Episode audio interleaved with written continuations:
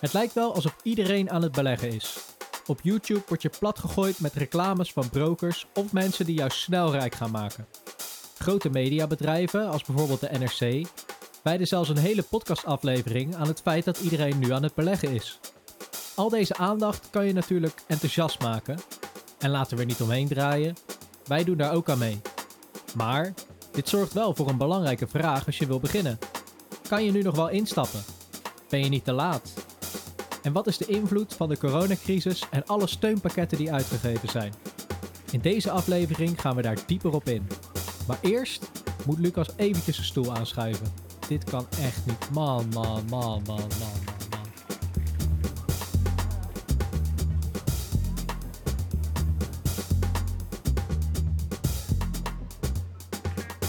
Schuif die die stoel eens aan, anders dan ga je weer te ver zitten. Hetzelfde net. Hup, verder naar voren.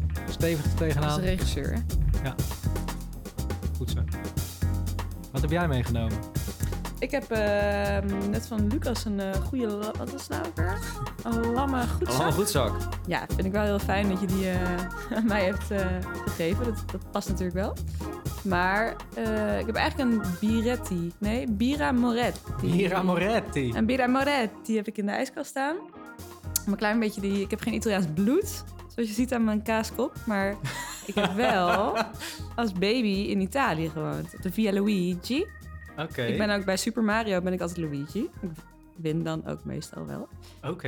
Is dit een uitdaging? Challenge eh, voor Mario Kart. Nou ja, ik heb, ik heb straks een lekker Italiaans biertje in de ijskast staan. Het wordt weer een beetje zomers. Genieten. En jij? Ik eh, was vanochtend een beetje brak. Want ik had gisteren ook al bij, was, ben ik bij vrienden geweest en ik had daar een paar biertjes op. Eh, en dat was eh, nou, een stukje bij mij vandaan. Dus ik moest een, eh, een goede 40 minuten naar huis fietsen. Oeh. En ik had daar lekker een paar van die goede, lekker veel gezopen. En toen heb ik een goede zoute hamburgers naar binnen gewerkt. Toen moest ik vervolgens 40 minuten naar huis trappen. En ik was eigenlijk een beetje te laat al voor de avondklok. Dus ik dacht, nou, ik trap toch nog een beetje door. Oh jee. Ik kwam helemaal bezweet thuis aan. Ehm, en toen maakte ik, ja, helemaal moe natuurlijk. Toen maakte ik de classic fout om met die, al dat zout in mijn maag en al dat bier en net alles eruit gezweet om gewoon op, in één keer recht naar bed te gaan. En natuurlijk helemaal uitgedroogd. Ik ben om twee uur s'nachts wakker. Tapijtje in je mond. Ja, dat is een strot als een hooischuur. Echt helemaal, helemaal naar de getver.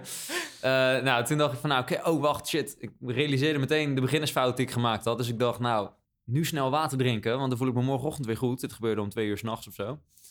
Vier glazen water naar binnen gegooid. Daarna met een klotsbuik in mijn nest gelegen. Kon niet slapen, want mijn buik die zat alleen maar heen en weer te gaan. Ja, dus ik werd vanochtend redelijk brak wakker. En toen dacht ik, ja, je moet vuur met vuur bestrijden. Zeker. Dus eh, ik heb een uh, straffe Hendrik. Eh, dat is een trippeltje met uh, 9%. Dus ik denk, ja, het is eh, nou net 12 uur. En dan gaan we gelijk eh, er tegenaan. Hartstikke idee. Dus Dus het, een uh, eh, straffe Hendrik vandaag. Het droge tapijtje is al een eh, vliegend tapijtje geworden. Ja, alleen dat herstelbiertje doet een hoop goed hoor, moet ik wel zeggen. Gelukkig. Waar gaan we het over hebben vandaag? Va vandaag gaan we het hebben over de macro-economie uh, en waarom. Uh, we hebben het vorige keer gehad over de fundamentele analyse en de technische analyse.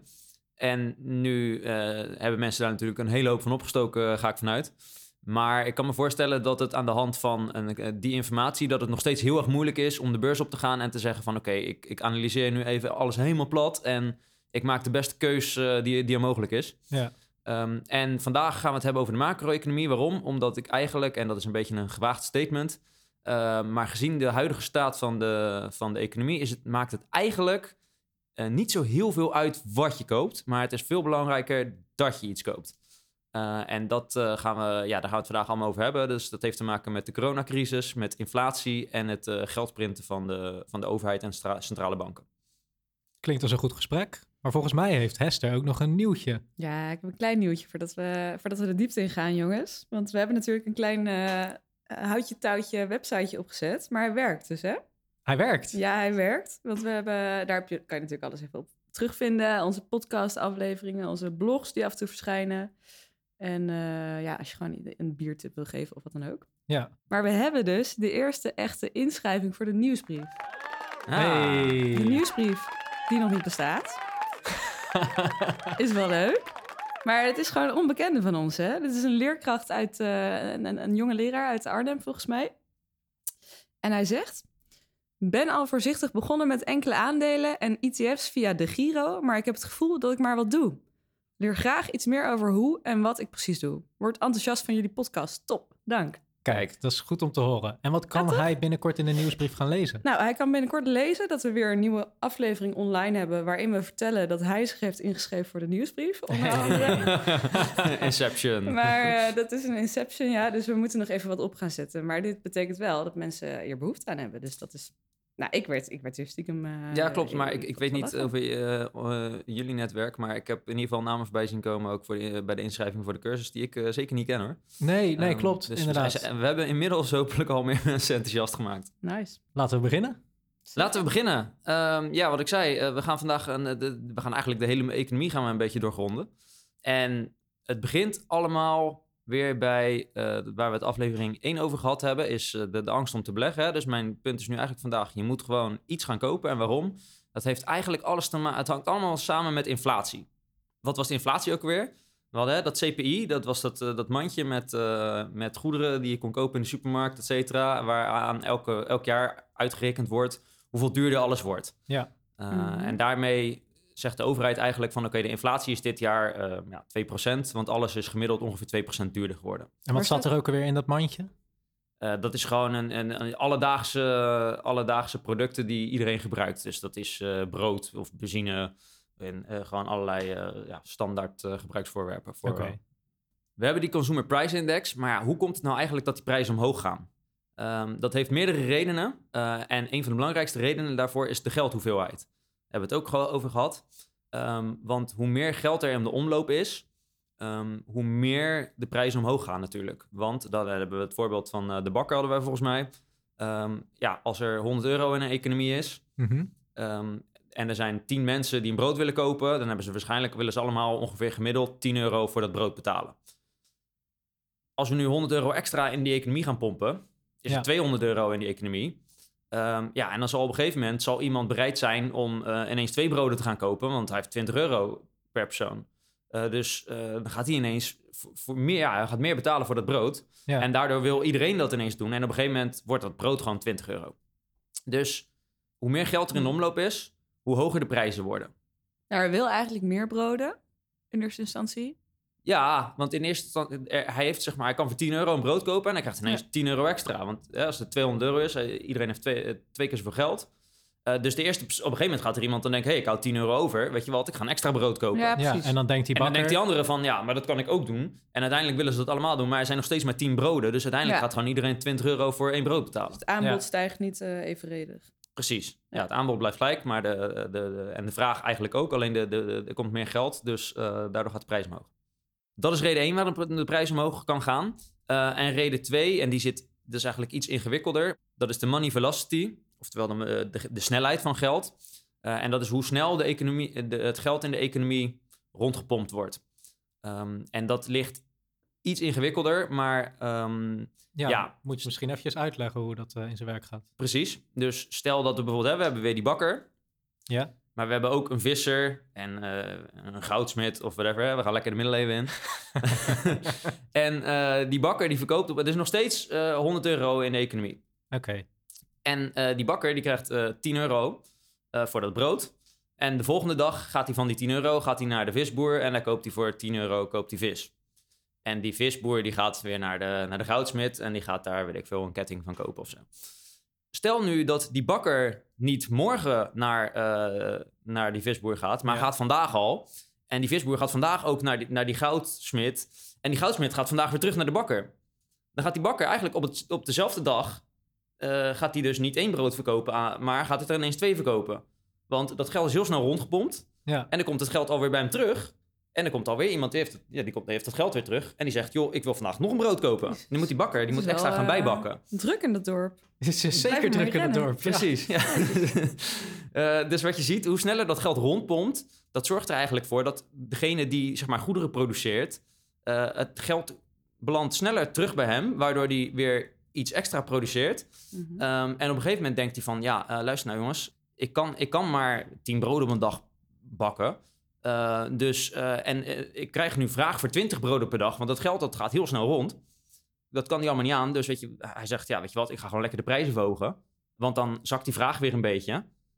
En dan kan hij weer terug naar 10 broden per dag bakken, want hij, want hij heeft niet meer tijd om meer broden te bakken. Maar dit zijn dus, dus twee belangrijke dingen die een, rol spelen bij de, de, de inflatie in de economie. En ja, dus zeg maar hoe dat op grote schaal zich beweegt. Ja, dus die snelheid en de... En hoeveel geld er is. Ja. En ik denk dat de eerste iets intuïtiever is. Eh, hoe meer geld er is, ja, hoe duurder dingen worden. Maar die geldsnelheid is natuurlijk een beetje, eh, ja, dat is moeilijk voor te stellen. Maar in een grote economie eh, werkt het ongeveer zo.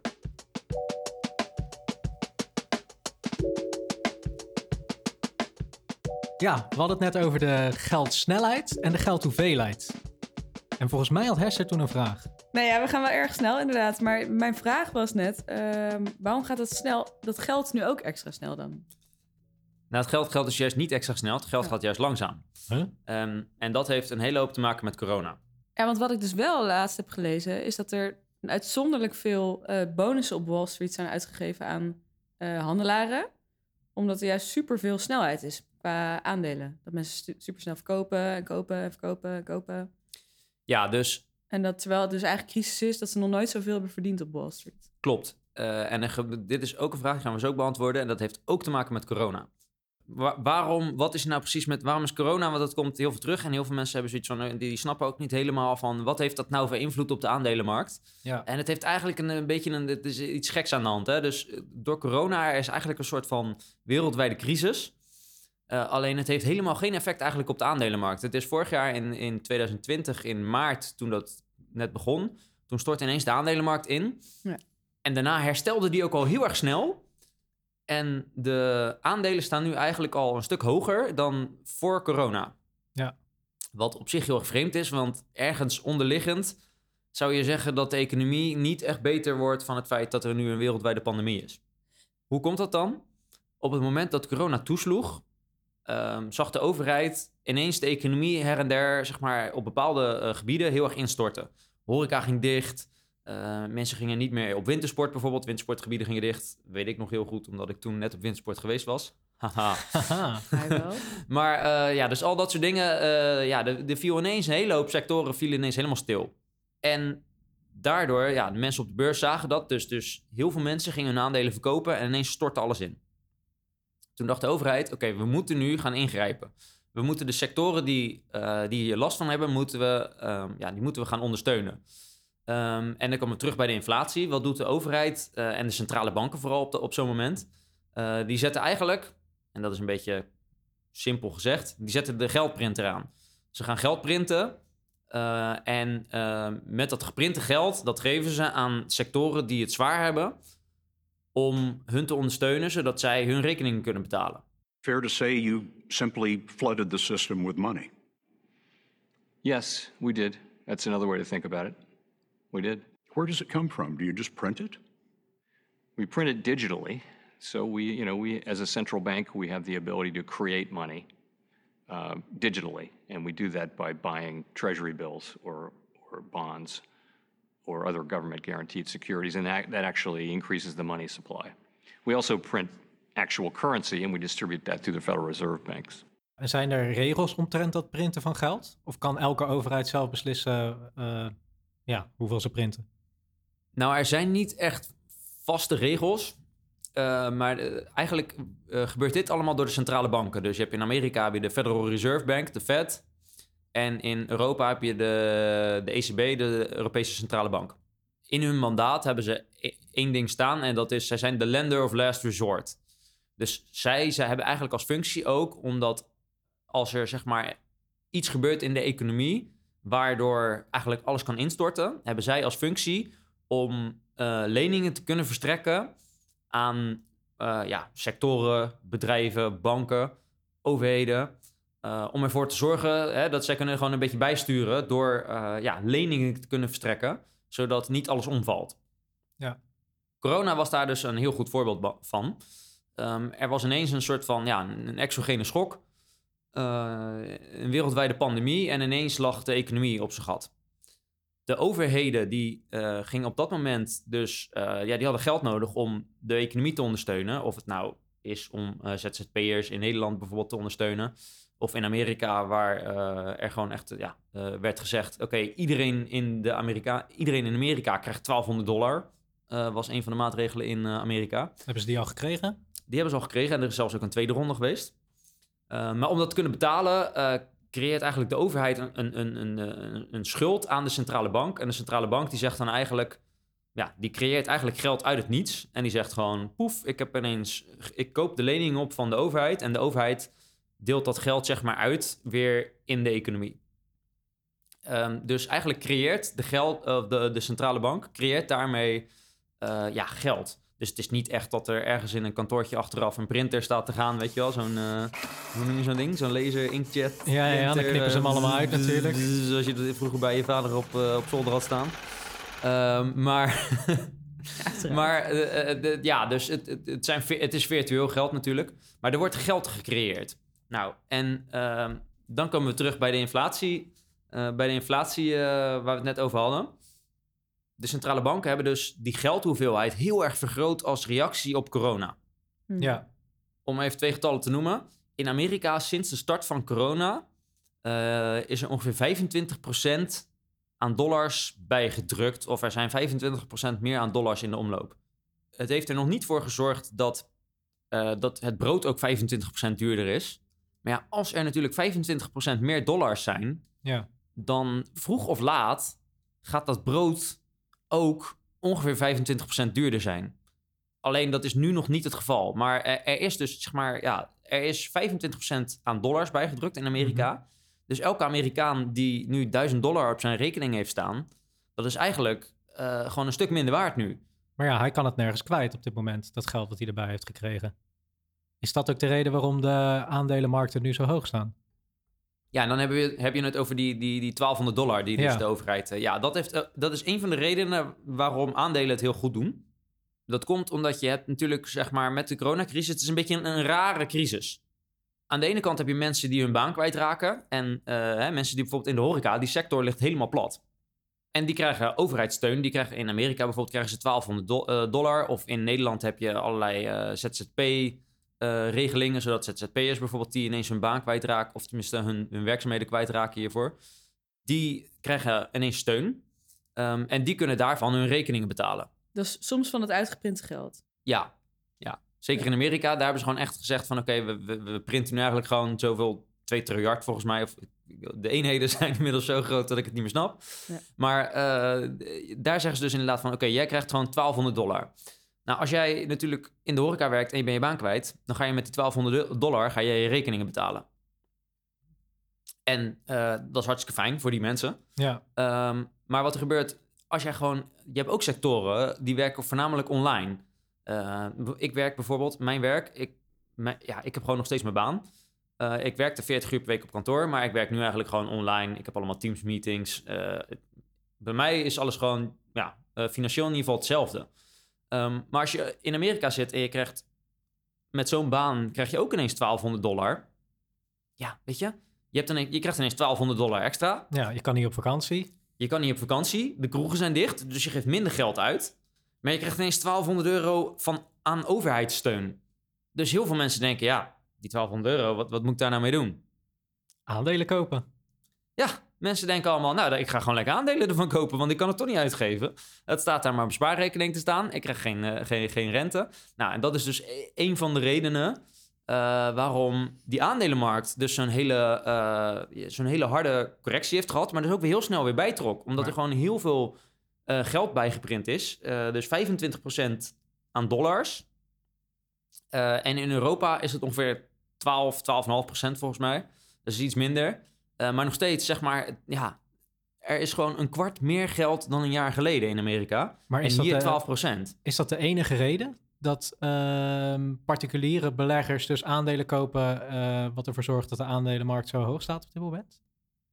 Het zijn niet alleen particulieren. ehm, het zijn ook natuurlijk eh, banken, hedge funds, die, die dan weer...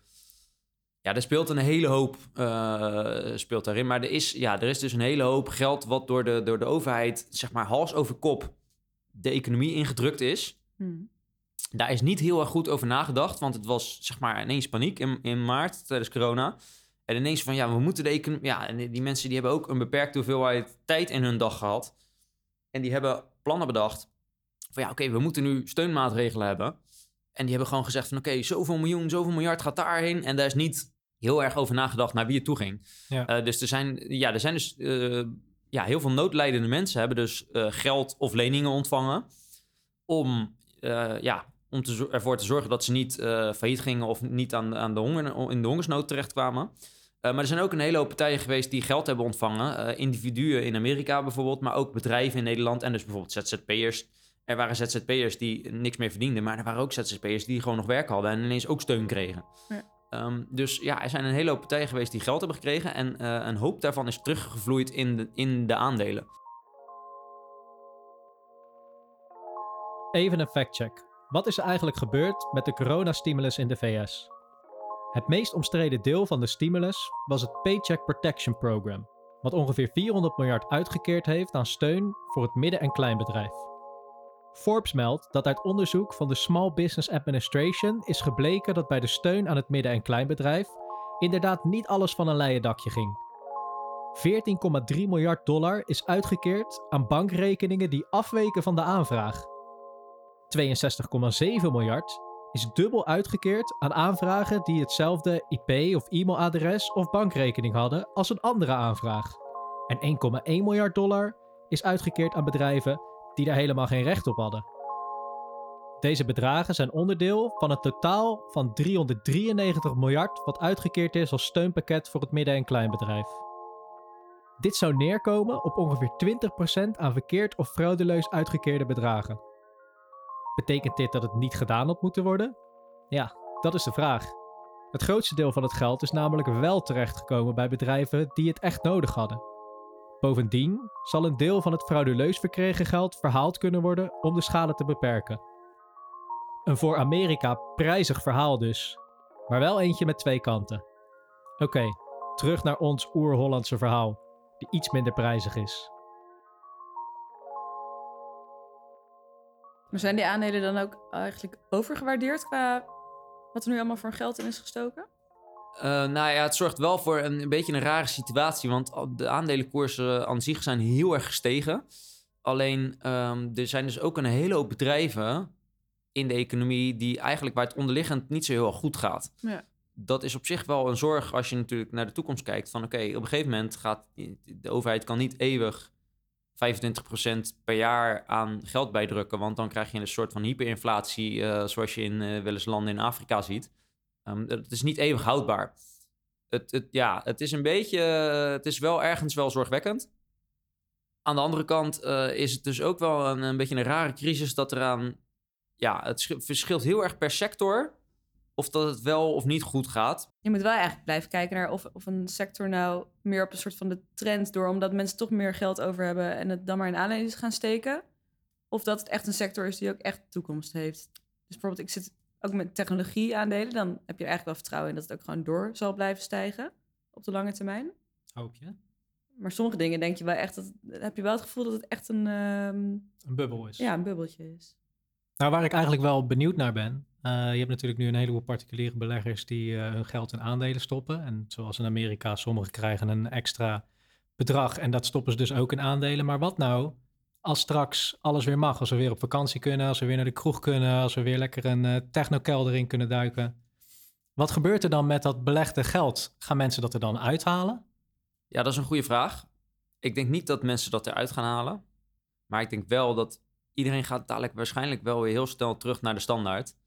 Dus iedereen dus nu zijn geld bespaart omdat hij niet op vakantie gaat en niet eh, naar de kroeg kan. eh, die kopen nu aandelen. En dadelijk gaan ze dat gewoon weer lekker uitgeven. En die stoppen dan een beetje met die aandelen kopen. Ehm, dus ik denk niet dat dat per se tot een enorme... ehm, ja, dat dat ertoe leidt dat iedereen zijn aandelen gaat verkopen en dat er ineens paniek is.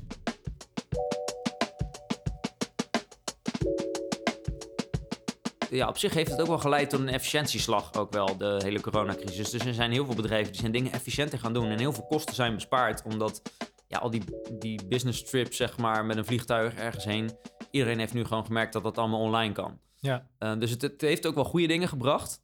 Alleen ik denk tegelijkertijd dat al die leningen die dus verstrekt zijn nu in de coronacrisis, Mhm. Dat is wel heel zorgelijk going forward. Sinds 2008 zijn overheden al best wel bezig. eh, dat- toen hadden we de financiële crisis, hè? Toen hadden we dat quantitative easing. Waarbij er, er ook al best wel veel geld geprint werd. En de overheden zijn best wel aan het stimuleren met allerlei leningen. Wat is quantitative easing? Ja, dus eigenlijk had je in 2008 had je, had je de financiële crisis. Toen ging ook alles heel erg omlaag. En toen was het antwoord van de overheid ook dat ze een paar jaar lang eh, heel veel geld bij hebben gedrukt en heel veel leningen hebben verstrekt aan bedrijven om zeg maar die crisis te kunnen overbruggen. Ja. Nou, nu zie je dat dus weer. En dit leidt er dus toe dat inmiddels heel veel bedrijven voornamelijk draaien op leningen, maar eigenlijk nog niet winstgevend zijn Nee. de vraag is dus dadelijk, als corona voorbij is en de, over, de overheden en de centrale banken stoppen met het verstrekken van die leningen, gaan al die bedrijven dan op hun eigen benen kunnen staan en zelf winst kunnen maken, terwijl ze al die leningen nog terug moeten betalen? Dat is wel een beetje een, een zorg die ik heb als ik zeg maar vooruitkijk eh, als de coronacrisis dadelijk weer voorbij is. Ja, ze zetten nu gewoon echt steunpilaren op zonder dat de inhoud misschien eh, echt, echt toekomst heeft. Precies. Eh, dus dat is wel gewoon een serieuze zorg. Maar ik vind het zo bizar dat dat geld bijprinten kan. Want ik vroeg me vroeger als kindje altijd al af van... kunnen we niet gewoon geld bijprinten in de wereld? Als je Da- eh, Donald Duck zat te lezen of ik tekende zelf ook... en dan zag je Dagobert Duck altijd, altijd zwemmen in het geld. En Ja. dan dacht je, als er weer een ramp was... en iedereen ging geld inzamelen voor Giro 555... dan dacht ik, waarom kunnen we niet gewoon wat geld bijprinten? Eigenlijk zijn eh, het geld bijprinten gebeurt omdat eh, overheden en centrale banken dus geld nodig hebben om dingen te kunnen financieren. Zoals dus inderdaad in het geval van coronamaatregelen willen ze dus dingen stimuleren en dan printen ze geld bij. Maar er zijn eigenlijk twee manieren hoe dat overheden geld op kunnen halen. Ze kunnen één of belasting heffen. Dus dat halen ze bij dus gewoon mensen, trekken ze geld vandaan. Of ze printen geld bij, maar dat is eigenlijk hetzelfde. Want omdat ze geld bijprinten, ehm, wordt het geld dat mensen op hun rekening hebben, wordt minder waard. Ja. Dus als ik 20% geld bijdruk, dan wordt jouw 1000 euro op je rekening wordt eigenlijk nog maar 800 euro ongeveer waard. Mhm. Ja, dat is eigenlijk hetzelfde als ik zeg, joh, ik wil 20% belasting van jouw 1000 euro. Dus het geld bijprinten heeft eigenlijk een averechtseffect. Op de lange termijn. Ja, het, het is eigenlijk, het zijn, ja, het zijn twee verschillende manieren om, om eh, je mensen te belasten. Als dat dus gebeurt, dat geld bijprinten, en dan komen we terug bij de, de crux van de aflevering, wat ik aan het begin zei. Hoe kan je jezelf hier nou tegen beschermen? Goeie vraag. Ja, jij zei net inderdaad heel terecht, wat, wat gebeurt er met al het geprinte geld? Ja. Eh, en toen zei ik van, ja, dat gaat dus, voor een deel gaat het naar mensen die, die het nodig hebben. eh, en die geven het uit. En het andere deel, die gaan aandelen ervan kopen. Dus een, een groot deel van dat geprinte geld komt terug in aandelen, maar ook in goud, eh, zelfs in bitcoin. Wat moet je dus nu doen om jezelf te beschermen tegen het feit dat op een gegeven moment die inflatie eraan komt? Je weet, er wordt een hele hoop geld bijgeprint. En dat zorgt er dus voor dat eigenlijk alles op de aandelenmarkt, of het nou goud is, of het nou aandelen zijn, je ziet eigenlijk op dit moment zie je alles omhoog gaan. Terwijl er is eigenlijk een, een wereldwijde crisis aan de gang. Maar alle assets, dus, dus alle eh, harde eh, bezittingen die je hebt, alle beleggingen, die gaan allemaal omhoog. En dat komt omdat er gewoon een enorme hoeveelheid geld en liquiditeit die markt opgepompt wordt. Ja. Dus, nou ja, dan komen we terug bij het begin. En nu snappen we hè, wat ik aan het begin zei van... ja, technische analyse, fundamentele analyse. Ik vind het allemaal nog best wel moeilijk. Wat moet ik dan kopen? En daarom zei ik aan het begin... ja, het maakt op dit moment eigenlijk geen zak uit wat je koopt. Het gaat allemaal toch wel omhoog. En dat is een beetje kort door de bocht. Maar nu snap je van, oké, dat komt dus... Er wordt zoveel geld bijgeprint dat alles toch omhoog gaat. Dus weet je, als je, dan, als je dit ziet gebeuren en je herkent dit fenomeen... ehm, dan moet je... Ja, je kan natuurlijk... Het ene aandeel gaat harder omhoog dan de andere. Dus je kan het beter doen door hè, het perfecte aandeel te kopen. Mhm. Maar het belangrijkste, de belangrijkste les die je hieruit moet leren... is dat je in ieder geval je spaargeld niet op je spaarrekening laat staan. Want er is dit jaar gewoon 10, 20, 25 procent geld bijgedrukt hè, in de verschillende gebieden. Dus jouw geld wordt 10, 20, 25 procent minder waard. En als je het in aandelen stopt, of in goud, of in maakt niet uit wat, eh, in een belegging, die gaan allemaal omhoog. Dus wat moet je doen? Je moet in ieder geval actie ondernemen en iets gaan kopen. Dat zeker. Maar op, op een gegeven moment gaan mensen hun winst nemen natuurlijk. Ik had op een gegeven moment dat het, het ging alleen maar stijgen en stijgen, stijgen bij alles. En toen had ik, nou, op een gegeven moment ging ik, had ik beloofd aan een vriend dat we champagne gingen openen als ik die grens had eh, overstegen. En Niet dat ik er nou zoveel geld op heb staan, maar het is allemaal relatief. En het was in ieder geval behaald, het doel. Maar een week later was het gewoon allemaal gez- gezakt naar ongeveer nul. Heb En je nu toen is de weer- champagne weer teruggegeven? Nou ja, die staat dus nog in de ijskast. Nou, we drinken wel vaker champagne, dus er is vast wel Oh. iets o- ooit over gegaan. Maar misschien dus niet om die reden.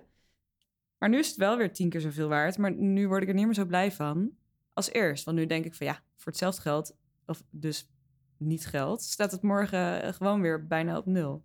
En dit is de perfecte vraag op dit moment eigenlijk. We hebben dit verder totaal... krijg een duim we hebben Bas. dit Dank niet je. voorbesproken, maar je stelt nu de goede, de goede vraag inderdaad. Wat dan als het allemaal weer instort? Eh, en dan komen we terug bij wat ik eigenlijk, wat we in aflevering 2 behandeld hebben. Goud en aandelen. Ah, de negatieve correlatie. Kijk, heeft goed opgelet. Bas heeft zijn huiswerk eh, gemaakt. Puntje. ik heb net gezegd, hè, er, zit best wel een onderliggende zorg in, in, die, in die aandelen van... hey, als dadelijk de coro- coronacrisis voorbij is, kan iedereen op zijn eigen benen staan? Of gaat er toch nog een soort van eh, een nasleep komen... waardoor er toch nog een crisis ontstaat? Kijk, de overheid kan niet... Ze kunnen niet eeuwig blijven printen. Eh, dus het is best wel een zorg dat op een gegeven moment... toch nog een economische crisis komt. Eh, iets vergelijkbaar met wat we in 2008 zagen. We hebben natuurlijk sowieso al een soort van opmars gehad van de aandelen van 2008 of nou, ik moet zeggen, de bodem lag meer in 2011 ongeveer. Tot en met 2021. Dus, dus tien jaar lang zijn die aandelen echt omhoog gegaan. En inmiddels eh, ja, is dan de vraag van... oké, hebben die bedrijven niet te veel schuld en te weinig winst? Is alles niet overgewaardeerd? Dus inderdaad, ik, ik maak me zorgen dat de aandelenmarkt in gaat storten. Maar hoe kun je jezelf hier nou tegen beschermen? Eh, dat is in ieder geval door een redelijke hoeveelheid goud te hebben. Want eh, goud is in zekere zin een, een, een win-win. Waarom?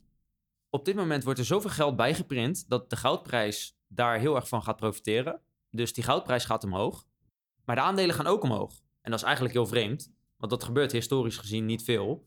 Omdat normaal gesproken bewegen ze tegen elkaar in. Ja. Alleen er wordt nu zoveel geld bijgeprint dat alle prijzen omhoog gaan. Eigenlijk als je goud koopt, dan gaat goud waarschijnlijk de komende tijd al omhoog Mhm. maar aandelen ook. Maar stel dat de economie instort omdat alle aandelen naar beneden gaan en omdat alle bedrijven failliet gaan omdat ze te veel schulden hebben, et cetera, et cetera. Dus wat gaat er gebeuren zometeen eh going forward? De kans is aanwezig dat de aandelenmarkt in gaat storten en dan gaat goud omhoog. Maar goud was eigenlijk ook al omhoog aan het gaan omdat er zoveel geld bijgedrukt wordt. Dus op dit moment denk ik dat er meer risico zit in eh, volledig al je geld in aandelen hebben. En dat je met goud eigenlijk niet mis kan. Kijk, historisch gezien heeft goud minder rendement dan aandelen. En dat komt omdat goud creëert eigenlijk niks. Dus hè, het creëert geen dividend, geen groei, niks. Dus het gaat minder hard omhoog dan aandelen. Maar op dit moment is het denk ik best wel goed om jezelf te wapenen tegen die inflatie. Omdat er heel veel geld bijgedrukt wordt. En dat kan dus heel goed met goud. Maar ook met dingen zoals bijvoorbeeld bitcoin. Ja, ja, want dat had je net ook al een keertje genoemd inderdaad. Het digitale goud. Die is natuurlijk ook keihard omhoog gegaan. Is dat ook nog een... eh, kan je nu ook nog bijvoorbeeld instappen in bitcoin? Of is dat misschien een beetje te risky?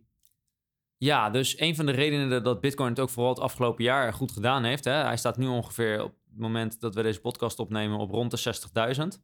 Ehm, of na de crash van vannacht eigenlijk rond de 55.000. Ja, klopt. Ehm, maar ja, eh, eh, en daarmee vervult het ook best wel... Het vervult een beetje dezelfde rol als goud. Hè? Digitale goud, zeg je al. Eh, en het heeft, komt omdat het veel van dezelfde eigenschappen heeft als goud. Het is namelijk... de hoeveelheid is vastgezet. Hè? Het zijn, er zijn 21 miljoen bitcoin.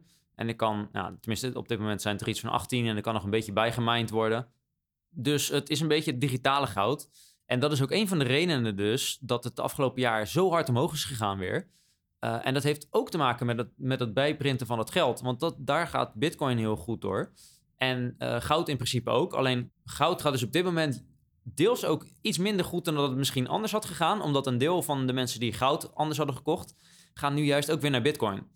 Dus misschien is het zelfs een goed idee om een deel goud te hebben, maar ook een klein beetje Bitcoin om, uh, ja, om je te wapenen tegen die inflatie die aan het komen is. Een gouden Ja. tip. Goeie tip inderdaad, zeker. tip. De gouden tip.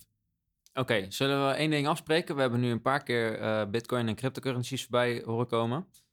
Volgende keer gaan we het eerst nog even hebben over dividendaandelen en groeiaandelen. Want dat is belangrijk om te weten. Oké. Ehm, en dan de aflevering daarna zullen we die over cryptocurrencies doen. Want ik hoor het nu, ik, eh, Ik hoor het steeds meer komen. Ik, ik hoor het bij vrienden en familie en bekenden hoor ik het heel erg bo- eh, borrelen.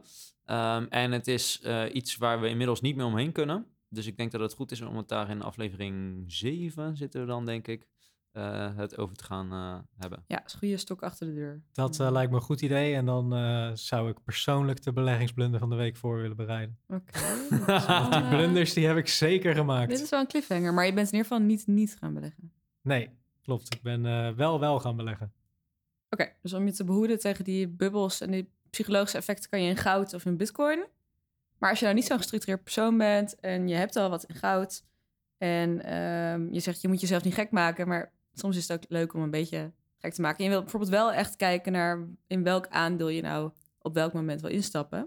Dan kan je terug ook een beetje kijken van je hebt sommige bedrijven die waarschijnlijk echt gewoon in een bubbel zitten. En sommige bedrijven of sectoren die het gewoon echt wel goed doen. Zoals dus die technologiebedrijven of de chipfabrikanten. Maar ja, hoe bepaal je dat? Nou, dat is eigenlijk mijn vraag. Van ja, hoe- dus, dus daar hebben we het eigenlijk vorige keer eh, over gehad. Hè? Dus de, de, dan moet je echt gaan analyseren waarom doet het ene bedrijf het beter dan de andere. Ja. Ehm, en ehm, omdat dat heel moeilijk is, hebben we al steeds als advies gezegd, als je dat nog niet goed kan, dan koop je dus een ETF voor de hele markt. Eh, maar jouw vraag is nu eigenlijk dus Nou, gericht op technologie specifiek. Ja, dus hoe kan je bijvoorbeeld eh, zeggen van, nou ja, ik geloof wel echt in die technologiebedrijven, dus daar, daar, daar stap ik dan ook gewoon in. Maar hoe kan je van andere sectoren misschien meer zien van, oké, dit is wel echt een bubbel.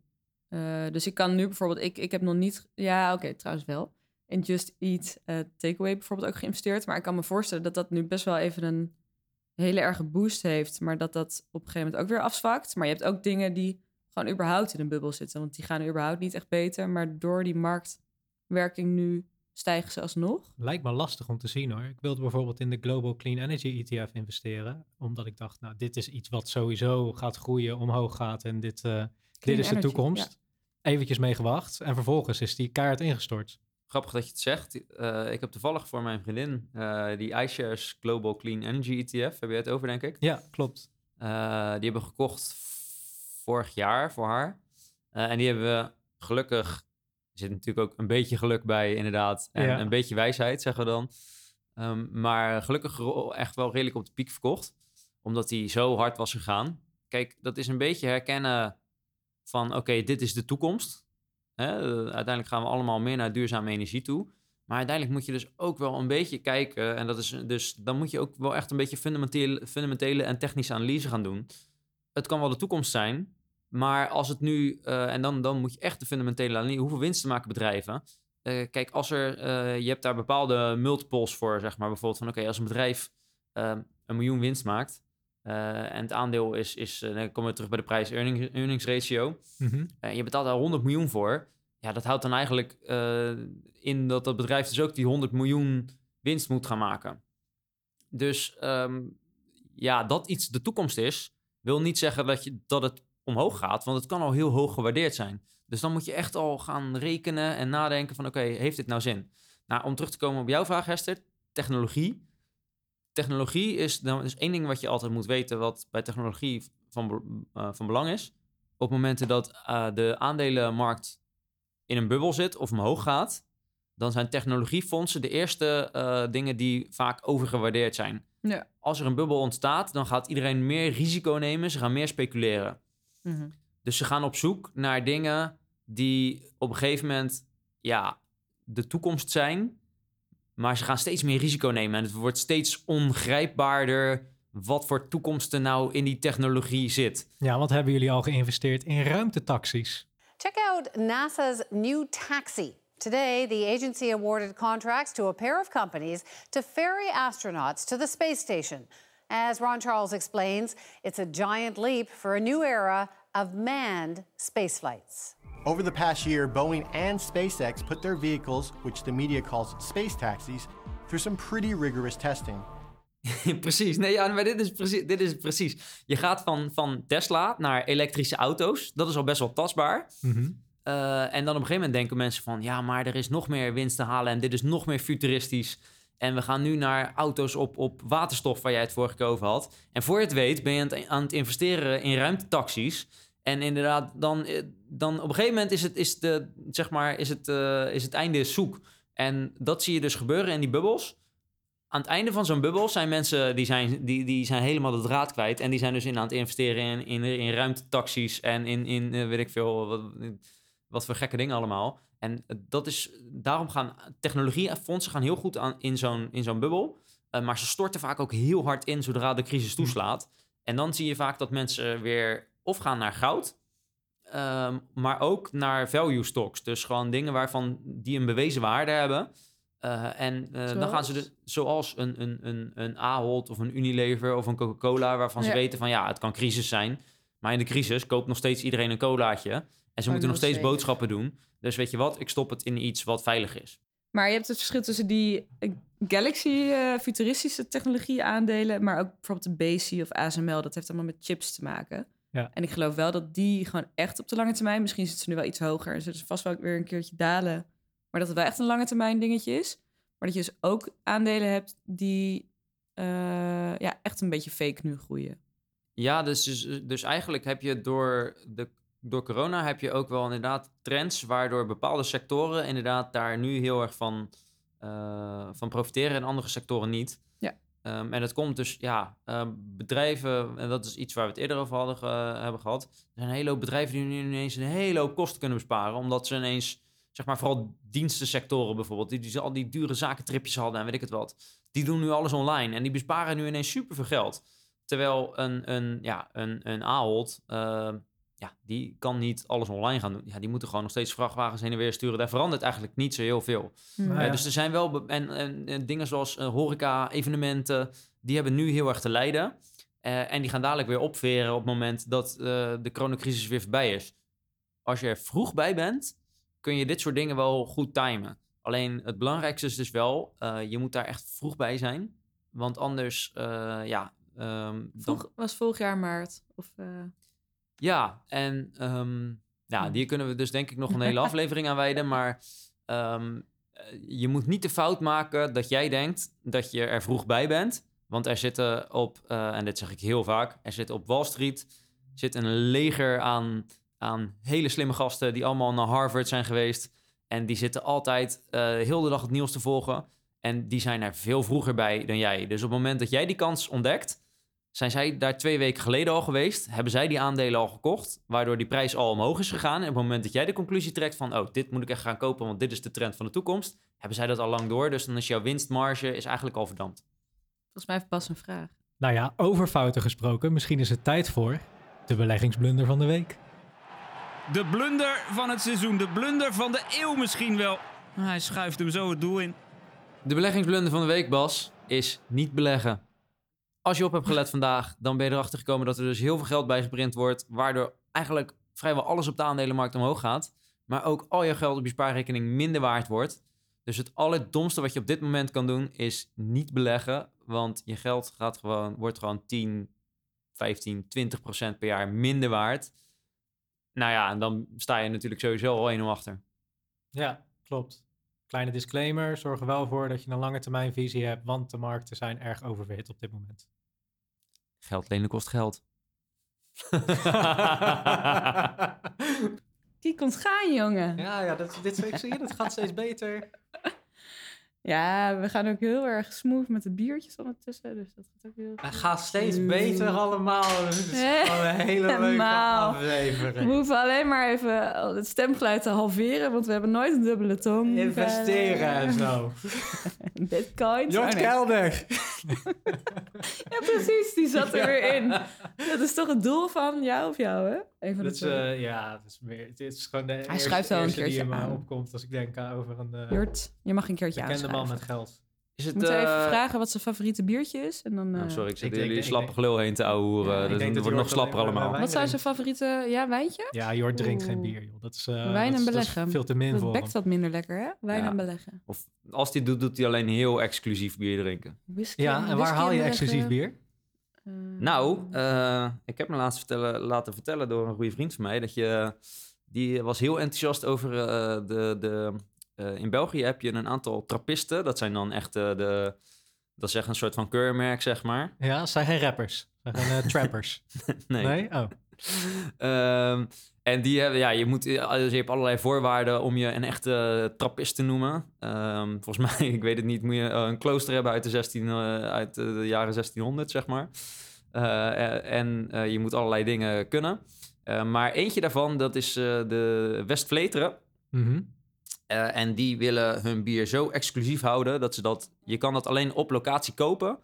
En je kan daar eh, maar volgens mij één of twee kratten per keer per auto kan je kopen. En kan je die dan het hele jaar doorkopen? Ik weet niet of je heel het jaar daar bier kan kopen, maar eh, die vriend van mij was zo enthousiast dat ik denk dat het een goed idee is dat wij daar binnenkort eens even langs rijden. Ehm, en je kan daar dus ja één of twee kratjes halen. Dus dan gaan we gewoon op uh, bierexpeditie, lijkt mij, eh, die biertjes halen en die kunnen we die een keertje drinken tijdens de podcast. Lijkt me een goed idee. Allee, plezant. Ja, dat lijkt me een leuke toch? aflevering. Precies. Bier en beleggen on tour. Leuk dat je hebt geluisterd naar aflevering 5 van Bier en Beleggen. Zoals Hester dus zei, kun je je aanmelden voor onze nieuwsbrief via bierenbeleggen.nl. Je kunt je daar ook aanmelden voor de online training, waarin Lucas dieper op de stof ingaat en al je vragen beantwoordt. En in aflevering 6 bespreken we hoe je bij een dip toch nog rendement op je aandelen kan behalen. Niet geheel onbelangrijk natuurlijk. Tot dan. Joe.